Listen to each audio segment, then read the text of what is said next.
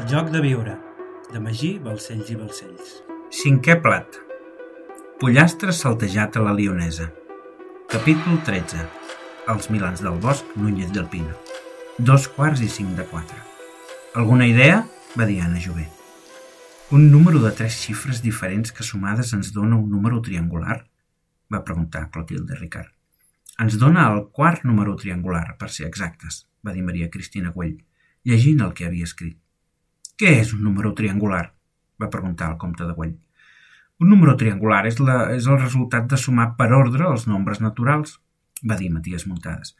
El primer nombre triangular és l'1, el segon és el 3, resultat de sumar l'1 més el 2. El tercer és el 6, resultat de sumar l'1 més el 2 i més el 3. I el quart és el 10, resultat de sumar l'1 més el 2 més el 3 més el 4.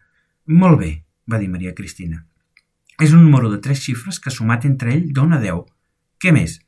Algú sap a quin any es refereix quan diu que el Cèsar vencedor va acabar amb el món del gladiador? L'emperador Constantí va voler el joc dels gladiadors, va respondre Cambó, com amant del passat clàssic. En quin any? va preguntar Bertran i Mosito. No ho recordo, va respondre ell. Eh, quin any va ser el del consolat del Pròcoli Paulí? va preguntar Maria Cristina. Ni idea, va dir Cambó. A Roma cada any portava el nom dels cònsols. La llista és llarguíssima. Però, si ens fixem quan diu que tots els homes amb mitres s'agenoraren a besar el, els peus del romà més idòlatre per forjar el llibre dels llibres, s'està referint al concili de Nicea, no? va dir Cambó. Quan va ser aquest concili, eminència? va preguntar Maria Cristina al cardenal Vidal i Barraquer. No ho recordo bé. Crec que a principis del segle IV Any 300 i escaig, en les primeres dècades, però no recordo l'any exacte. L'edicte de tolerància va ser el 313, va dir Cambó. El concili de Nicea ha de ser posterior. Exactament, va dir Vidal i Barraquer.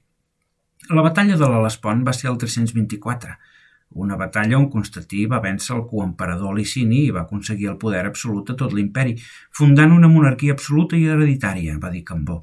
Per tant, el concili ha de ser posterior, perquè Constantí va presidir el concili com a pontífex màxim i emperador únic. Necessitem un número exacte, va dir Lluís Ferrer Vidal. Eh, provem les pistes numèriques, doncs?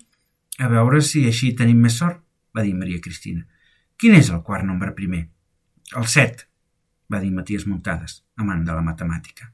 Si el quart nombre primer el multipliquem per ell mateix, és a dir, 7 per 7, va dir Maria Cristina. 49, va respondre Matías. 49, d'acord, va dir Maria Cristina. 49 és el resultat. Doncs bé, si a 49 hi sumem el desè nombre primer, els nombres primers són 2, 3, 5, 7, 11, 13, 17, 19, 23, 29, va dir Matías Muntades. El desè nombre primer és el 29. 49 més 29 és, va dir Maria Cristina. 78, va respondre al moment Matías. Menys el sisè nombre primer, va continuar Maria Cristina. El sisè nombre primer és el 13. 78 menys 13 són 65, va dir Matías Muntades. 65 multiplicat pel nombre atòmic del bor, va seguir Maria Cristina. El nombre atòmic del bor és el 5. 65 per 5 són 325, va dir Matías. Exacte, va respondre el cardenal Vidal i Barraquer. El concili de Nicea es va celebrar el 325. 325? va repetir el comte de Güell. Algú li suggereix alguna cosa aquesta xifra? Eh, tenim tres pistes, va dir Maria Cristina Güell. La tercera, que és 325, la quarta, que és pistola, i la setena, que és advocat. Ens en falten cinc. No té cap mena de sentit, va dir Antoni Maria Jové. Advocat, pistola i 325 no lliga res.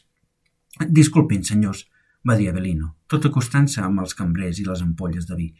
Servirem a continuació un Chateau Beu Castel de 1916, un vi de la vall del Roine, amb denominació d'origen Chateauneuf du Pape, un nom que fa referència a un castell nou que es va fer construir el papa de Roma en aquella regió durant el papat d'Avinyó. Es tracta d'un vi negre començat a produir poc temps després de la crisi de la filoxera, un cop refeta la vinya. És un vi produït amb una mescla de 13 varietats de raïm amb una altra proporció de monestrell. El seu estil de vida llarg el converteix en un negre estructurat, carregat de fruits negres silvestres, pètals de flors blaves i regalèsia desprèn una impactant sensació de puresa mineral i adorna la boca amb uns tanins rotunds i embolcalladors. Deixa un regust llarguíssim de pell de brunes negres, que resulta molt difícil d'oblidar. Que vagi de gust. 325, repetia Maria Cristina Güell pensant en veu alta. Sembla que no tingui cap mena de sentit, va dir Isabel Llorac. No ens hi trenquem el cap. Això és obra d'un boig, va dir Milans del Bosc. Advocat, pistola i 325? Val més que seguim menjant amb rapidesa i que acabem tot això. Potser amb les següents pistes podem lligar caps. Sembla l'opció més intel·ligent, va dir Domènec Cert, mentre degustava el vi. Senyors, va dir Avelino, anunciant el següent plat, mentre els cambrers començaven a servir. Per sublimar l'experiència gastronòmica de la vall del Roine, servirem a continuació el més famós de tots els plats de Lió. Pollastre saltejat a la lionesa, es tracta d'un pollastre de brès de pagès que s'ha rostit amb abundant mantega durant 20 minuts fins a enrossir-lo i deixar-lo melós i daurat, on s'ha afegit després tomàquet triturat, bolets, vi blanc de la regió i armanyac, que s'ha cuit a foc lent i tapat durant 40 minuts.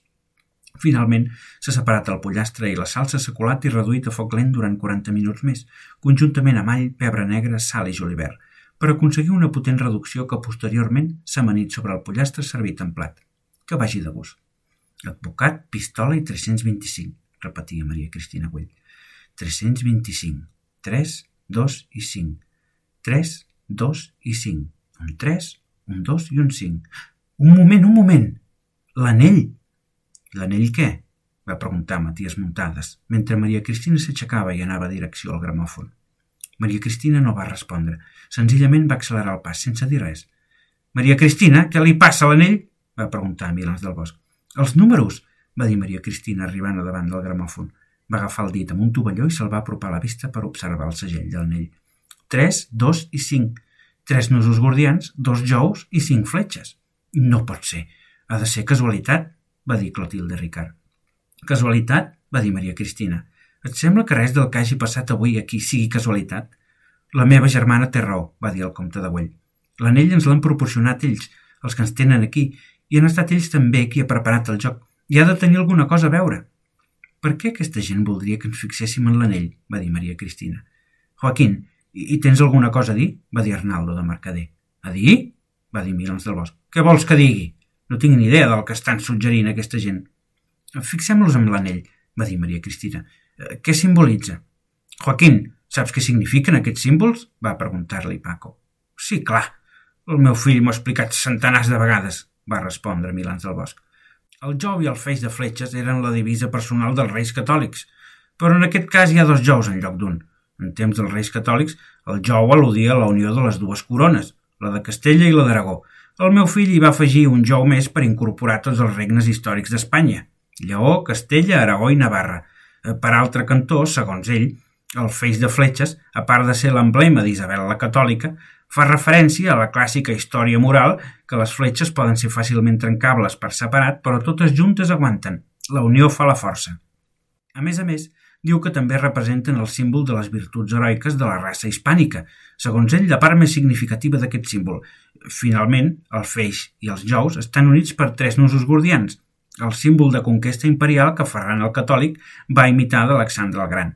Així que, en essència, el símbol de l'anell representa que la fusió dels regnes hispànics, conjuntament amb la virtut de la raça, condueixen a una Espanya gran i indivisible amb vocació d'imperi universal. Les virtuts heroiques de la raça? va dir el comte de Güell. El feix al·ludeix clarament a una ideologia feixista. Està molt de moda, sobretot per Itàlia. El Partit Nacional Feixista Italià usa el feix dels antics magistrats romans com a símbol de supremacia. El teu fill s'ha fet fer aquest anell? Va preguntar el cardenal Vidal i Barraquer. El meu fill té inquietuds polítiques, va respondre Milans del Bosch, i ell i els seus amics de Madrid van dissenyar en el seu dia aquest emblema per fundar algun dia un partit polític. Entre els seus amics més íntims es compta el fill de Primo de Rivera, no? va preguntar el comte de Güell. Sí, va respondre Maria Teresa. Jaime y José Antonio hace tiempo que se conocen. El teu fill és feixista? va preguntar Vidal i Barraquer. El meu fill és un valent amb les idees clares, un benefactor de la pàtria, com jo, va respondre Milans del Bosc. Tant de bo tots els fills de la pàtria tinguessin la meitat de coratge que ell. Benefactor de la pàtria, va dir el comte de Güell. Sí, va respondre Milans del Bosc. L'has portat tu aquest anell? va preguntar impetuosament Maria Cristina Güell. Què vols dir si l'he portat jo? va dir Milans del Bosc. El dit i l'anell. És cosa teva tot això?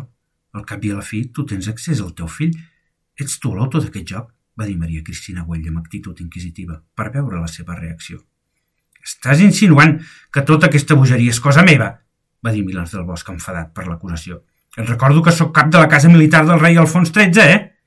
«Por el amor de Dios, María Cristina», va dir María Teresa, profundament indignada. Es de muy mal gusto que estés insinuando esta, esta atrocidad. Aquí hay un dedo amputado de mi hijo. ¡De mi hijo! ¿Crees que soy capaz de fingir un ataque de ansiedad? Eres cruel. Milans del Bosc va agafar la mà de la seva esposa. La va mirar als ulls per donar-li a entendre que no digués res més i es va aixecar. Es va posar la mà a l'empunyadura del sabre que portava senyit al cinturó del seu uniforme militar de gala, va mirar fixament a Maria Cristina i va dir amb contundència si algú de vosaltres torna a insinuar, ni que sigui per un moment, que tenim alguna cosa a veure amb tota aquesta atrocitat, l'obre un canal. Està clar? Joaquim Lleó Milans del Bosch i Carrió era un home alt i prim, de 69 anys, amb bona planta, cabells curts i canosos, ulls foscos i una poblada barba que imposava autoritat i respecte. Era un home rígid i saber que, tal com manava la tradició familiar, havia dedicat la seva vida a l'exèrcit. Vestia un uniforme militar de gala, negre, guarnit amb exagerades ombreres de fil d'or, a joc amb els cordons militars que adornaven la part superior. De l'espatlla dreta a la cintura, creuant el tòrax, una banda de cavaller de l'Orde de Sant Hermenegil ennoblia la seva presència i posava de manifest la seva exitosa trajectòria professional. I al pit, just sobre el cor i sota les cordes d'or, estrelles i creus d'ordes militars i de mèrit al servei de la pàtria explicaven el gloriós passat del militar en la defensa d'Espanya. Finalment, a la cintura, senyida un cinturó, un sabre de plata amb el cap d'un lleó a l'empunyadura conferien l'autoritat i respecte que un home com el de la seva posició exigia. Joaquim Lleó havia arribat a viure a la una en punt, acompanyat de la seva muller i amb el seu Peugeot tipus 163, un cotxe gran i descapotable de color blau que havia conduït el seu cotxer particular. Milans del Bosc havia nascut a Sant Vicenç de Montal, el 1854, a la seva casa pairal, una grandiosa i imponent masia fortificada amb capella que tenia els seus orígens al segle XII amb unes vistes espectaculars del Mediterrani, assentada a les faldes de la Serra del Corredor i completament envoltada de bellíssims boscos de pins pinyers de copes arrodonides i aplatades, els milans del bosc havien habitat aquell mas des de principis del segle XV, des de que havien deixat la vila per dedicar-se a la pagesia en aquella esplèndida finca. L'origen del cognom Vilans del Bosc es devia precisament a aquest fet, el de traslladar-se al mas enmig del bosc, ja que per distingir-los dels milans que vivien a Sant Vicenç, els de la vila, van començar a ser anomenats els del bosc, i d'aquí a Milans del bosc. Des de que van arribar a aquell mas, cada generació es va esforçar per deixar a l'hereu un patrimoni superior al de la generació anterior, tal com la tradició catalana manava, fins que van esdevenir una família terratinent més que acomodada. La sort de la família, però, va canviar quan la pobilla de la casa es va casar amb l'hereu de la família Arquer, fill d'un aristòcrata més nom que diners, propietari de l'antiga baronia de Gascons. Un noble que, si bé no ostentava cap títol, ja que no havia pogut pagar els tràmits i les comissions pertinents per al reconeixement de la baronia que la llei exigia, va proporcionar als milans del bosc poder d'influència i proximitat a les esferes de l'autoritat. El contracte matrimonial va establir que el noble d'Arenys de Mar adoptaria el cognom de la seva muller i així els fills del matrimoni van conservar el cognom de la família. Un dels fills del matrimoni, Francesc Milans del Bosc i Arquer, es va convertir en l'iniciador d'una llarguíssima tradició militar que acabaria per definir la família com una importantíssima saga castrense de l'Espanya contemporània. Francesc Milans del Bosch i Arquer va ingressar a l'exèrcit espanyol i va participar a la Guerra Gran i en la Guerra del Francès, on va ser comandant dels Miquelets i va ascendir en la carrera militar. En la seva trajectòria professional va destacar sobretot per defensar els principis liberals i la Constitució de 1812. Va casar amb la filla d'un important advocat d'Arenys de Mar i fruit del matrimoni van néixer dos fills, Llorenç i Joaquim, ambdós dedicats també a la carrera militar. El primer, Llorenç Milans del Bosch i Mauri, va participar a la Primera Guerra Carlina, en el cantó liberal, sent íntim amic del general Prim, esdevenint diputat i participant en les conjures que van fer caure Espartero de la regència. L'altre, Joaquim Milans del Bosch i Mauri, va esdevenir tinent coronel graduat de cavalleria, i era de tarannà més tradicionalista i monàrquic que no pas el seu germà i el seu pare. El 1843 va casar amb Joana Carrió i López i fruit del matrimoni en va néixer Joaquim Lleó el 1854, que va seguir el camí ideològic del seu pare, canviant així la tradició política liberal de la dinastia castrense per una de més conservadora i ancorada a la dreta més reaccionària. Joaquim Lleó va viure al mas amb els seus pares fins que, a l'edat de 5 anys, quan va morir el seu pare, la reina Isabel II li va concedir la gràcia d'aspirant a marina i opció a plaça al Col·legi Militar Naval de Cádiz. Com no podia ser d'altra manera, Joaquim Lleó va ser enviat a Cádiz, allunyat de la família, i es va estar al Col·legi Naval fins als 13 anys. El 1869 es va convertir en alferes d'infanteria i uns mesos més tard va aconseguir feina a l'arma de cavalleria. Va ser destinat al regiment de llancers de Lusitània número 8, a Alcalà de Henares, i durant la Tercera Guerra Carlina va marxar amb la seva unitat a formar part de la caserna general de l'Exèrcit del Nord.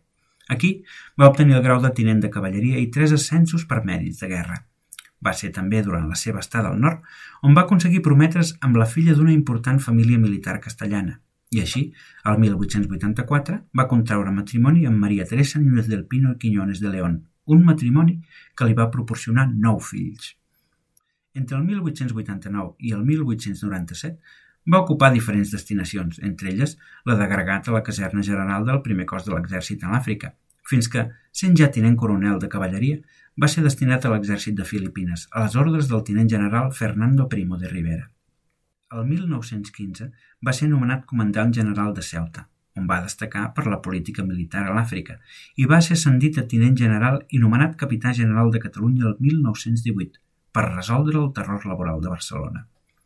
Des d'aquesta posició va haver de fer front a la vaga de la canadenca amb severitat i rigor, actuant al marge del govern i aplicant una política repressiva sense precedents, autoritzant la creació del sometent, sufragat per patrons i posat al servei de Martínez Anido, el governador militar de Barcelona. Milans del Bosch es va aliar amb els patrons i va reprimir el moviment obrer i el sindicalisme alhora que donava impunitat als pistolers de la patronal. Va mantenir-se en el càrrec fins que, davant d'una política negociadora i a parer seu claudicant per part del govern de Madrid enfront dels líders socialistes i anarquistes, va enfrontar-se a la decisió governamental d'indultar uns revolucionaris condemnats i els va mantenir en presó. En resposta a aquest fet, el govern no va tenir valor d'enfrontar-se a Milans del Bosc davant el temor que pogués produir la reacció no només de les guarnicions de Catalunya i d'altres regions, sinó també de les corporacions del comerç i la indústria, les patronals, l'Ateneu Obrer No Sindicalista i els sometents. I davant d'aquesta situació, la Corona, el 1920, va negociar amb Milans del Bosc que dimitís, al·legant problemes de salut, i en contraprestació va ser nomenat cap de la Casa Militar de Sa Majestat, un fet que li va proporcionar proximitat al monarca i gran capacitat d'influència sobre sa majestat. Està clar? va tornar a preguntar Milans del Bosc, dret, enfurismat, i cridant a tots els comensals mentre agafava l'empunyadura del sabre. Eh, tranquil, tranquil, Joaquim, va dir Isabel Llorac, no t'esveris. Aquest pollastre es desfà la boca. És meravellós, va dir Maria Carbonell per canviar de tema. Eh, boníssim, sí, va dir Lluís Ferrer Vidal. Eh, disculpeu-me, eh? Va dir Maria Cristina Gull. És evident que se m'ha anat al cap, ho sento. Eh, tranquila, Maria Cristina, todos estamos muy nerviosos, va dir María Teresa Núñez del Pino. Eh, siéntate, Joaquín, por favor. Maria Teresa Núñez del Pino i Quiñones de León era una dona entrada en carns, de 58 anys, en cavallera negra i recollida, i vestit sobri de color blau fosc. Era una dona entregada a l'Església i extremadament catòlica i devota, que desprenia certa arrogància, en creure superior a la resta per la noblesa de la seva estirp. A diferència de la resta de comensals i de totes les persones del seu entorn, ella era membre de la Orden de Dames Nobles de la reina Maria Luisa, un privilegi exclusiu per a dones de sang règia o de rang aristocràtic molt elevat que concedia la monarquia espanyola a les dones més influents de tot el planeta. Pertanyent a una important família militar, el seu matrimoni amb Milans del Bosc va ser decisió dels seus pares per incrementar la seva influència, tot acostant a la família a un militar tan guardonat com Joaquim Lleó. Acusar-nos a nosaltres! Això és un ultratge, home! va dir Joaquim Milans del Bosc mentre deixava el sabre i s'asseia. Som militars i nobles, per l'amor de Déu! És evident que els senyors Milans del Bosc no hi tenen res a veure, va dir Carlos de Sant Manat. Em resulta més creïble el que havies apuntat abans, Maria Cristina, va dir Lluís Ferrer Vidal mentre tirava la cendra al cendrer. Algú infiltrat, probablement algú del servei. Just en aquell moment, Joan Godó i Llucià, que tenia la vista perduda, va mirar Lluís Ferrer Vidal i, observant que estava fregant la cendra del puro a un extrem del cendrer, va dir «El cendrer? Què?» va dir Lluís Ferrer Vidal, mirant el cendrer. «Què li passa al cendrer?»